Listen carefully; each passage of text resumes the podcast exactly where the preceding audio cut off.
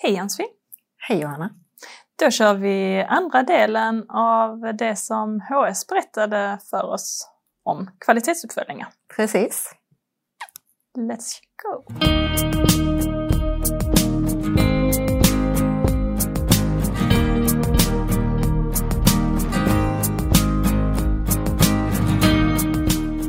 Ja, vi är också jättenyfikna på hur ni jobbar med det som ni kallar för kvalitetsuppföljningar. Ja, och det är jag som eh, jobbar med det. Eh, jag har inte gjort det jättelänge, eh, kanske jobbat med det i tre år ungefär. Men vi har kvalitetsuppföljningar, systematisk kontroll där vi får respons då från kunderna hur de upplever våra insatser vi utför. Och sen är det ju viktigt eh, att vi får då eh, den informationen så att vi är medvetna hur de trivs och hur de har det. För det är så att du besöker eh, kunderna. Ja. Eh, varje månad så väljer vi ut eh, eh, 57 kunder som vi lämnar ut då, eh, en eh, kvalitetsformulär som vi har gjort då, eh, där de får skriva lite hur de tycker månaden har gått och eh, vad som har varit bra och vad som har varit dåligt. Kopplat till era insatser då, Ja. inte annat. Nej, Utan det är vad ni gör. Precis. tycker. Hur kom ni på denna idén? Ja, frågan eh, lyftes eh, där vi eh, fångade hur eh, kan vi få eh, information kring vår eh, kvalitet hos våra kunder. eh, såvä- Såväl eh, individuellt och generellt. Ehm, eh, Den eh, nationella brukarundersökningen eh, kändes inte tillräckligt. Via detta arbetssätt får vi kunderna att känna sig delaktiga Mm. och sedda och hörda. Så det är alltid du som träffar de här fem till sju personerna som ni väljer ut? Ja. De besöker du eller ringer du? Eh, eller? Jag besöker dem i första hand och lämnar ut eh, då, eh, kvalitetsformuläret och sen kan jag även hjälpa dem om de har svårigheter, kanske att skriva och så. Men eh, i största del så sköter de det själva. Ehm, Sen ser jag till att jag får in formulären och jag går igenom dem och läser och ser vad som är skrivet. Och sen även går jag igenom med Frida. Sen eh, kan det vara lite individuellt. Eh, Vissa kan jag ta på eh, telefon, vissa besöker jag. Mm. Och, de som lämnar eh, informationen, ger du någon återkoppling till dem? Eh, Ja, eh, efter en månad så eh, har vi en, eh, ett formulär eh, som vi fyller i också eh, sedan eh, och ser hur, om det har blivit bättre eller sämre. Aha. Till samma personer får ett formulär igen Ja. för att se om det har blivit någon förbättring. Mm. Ja. Mm. Ja, förlåt. Har ni, då har ni, när ni du har fått in formuläret så tittar ni efter vilka åtgärder ni ska Precis. ja, ja, ja, tillsätta Eh, och sen följer ni upp och det sen följer efter. vi upp, ja. Ja, spännande. Vad kan Ja. det vara för frågor till exempel som ni ställer i det här första, första formuläret? Första formu- formuläret är ju eh, hur eh, tycker du månaden, den senaste månaden har varit? Eh, vad som har varit bra eller dåligt? Det är väldigt eh, enkla ganska- och tydliga eh, frågor. Mm.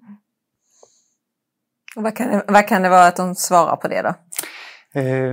Det är olika. Eh, det kan vara små saker, det kan vara större saker, men det, det kan även framkomma eh, saker som kanske vi måste ta vidare med biståndsanläggare.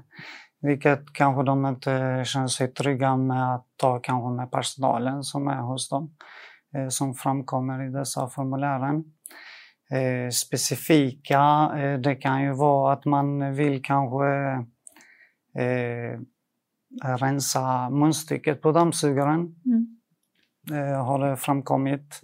Även också att eh, man vill, om man, man har beviljad eh, som insats eh, ledsagning men man vill komma ut mer som vi får ta vidare sen med biståndsanläggare. Alltså jättespännande och, Ja. liksom, och sen Sen också vid uppföljningen Ja. sen ju. Bara, Hur brukar det visa sig vid uppföljning? Har ni blivit bättre då eller ser ni någon förändring? Ja, eh, jag kan säga att eh, mestadels så eh, är kunderna nöjda. Så att sen har vi ju gjort förbättringar där vi har fått synpunkter och så. Mm. Kommer ni på något mer konkret förutom det här med, med dammsugaren? Jag kan faktiskt säga ett, jag brukar ju, kunderna brukar ringa mycket in Mm. till mig ibland.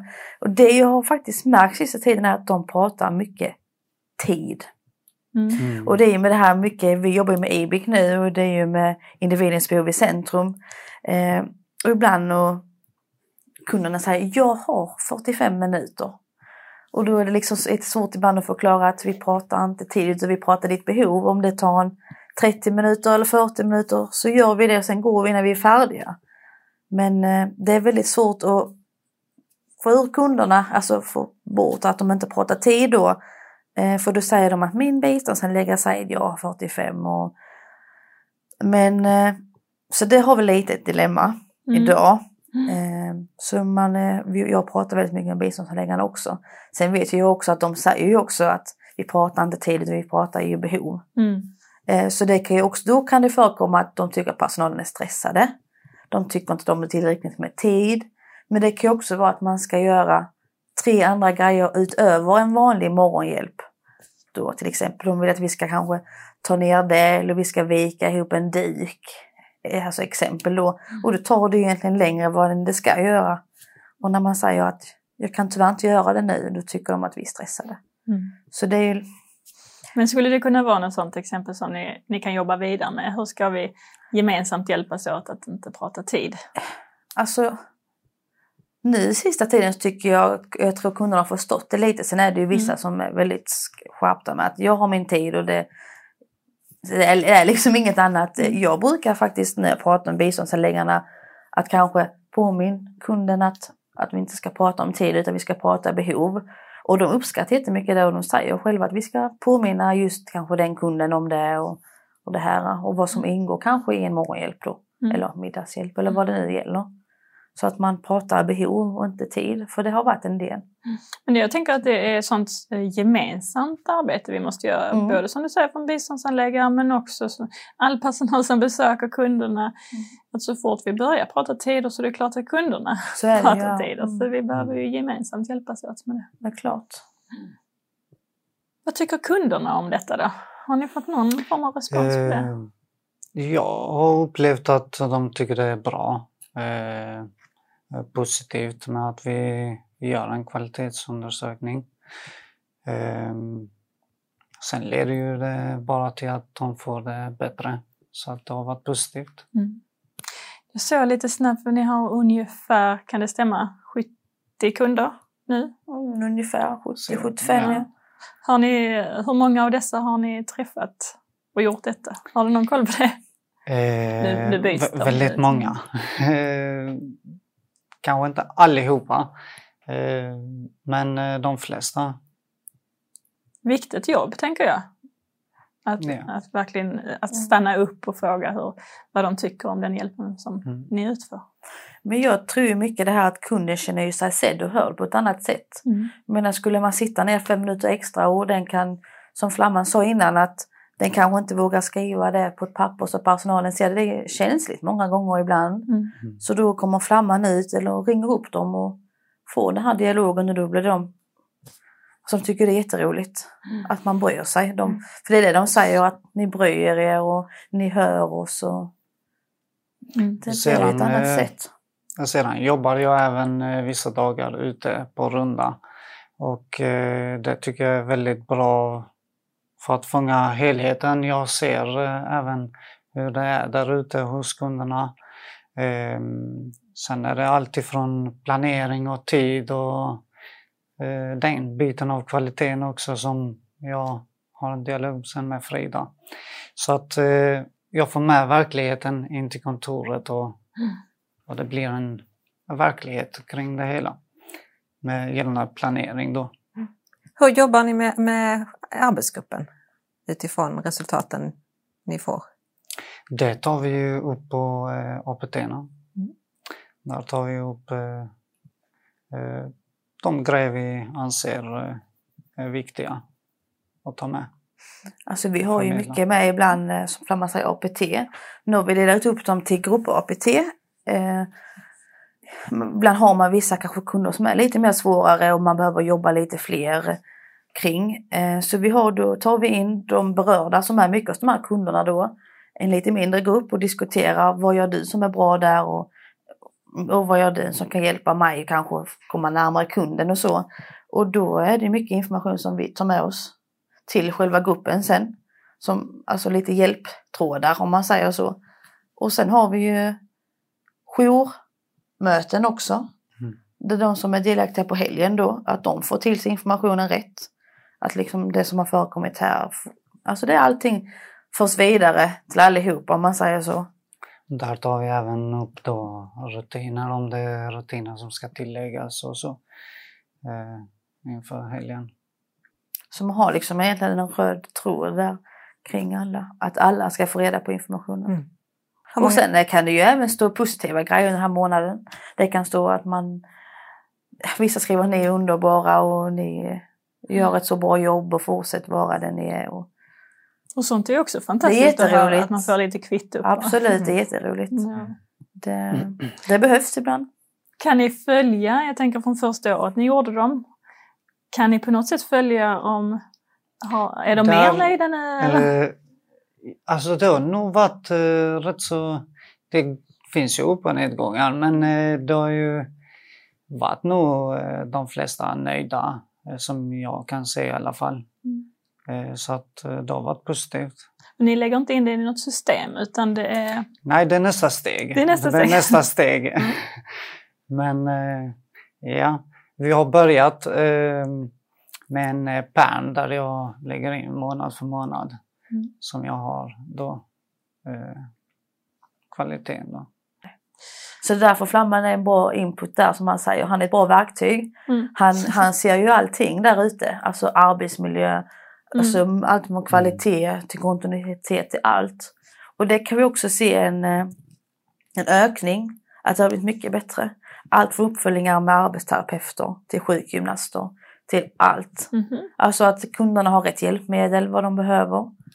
Eh, ja, och till om de behöver förändra någonting i hemmet med ny karmar eller vad som helst. Och det ser jag faktiskt en förbättring. Men hur, hur har ni gjort det då?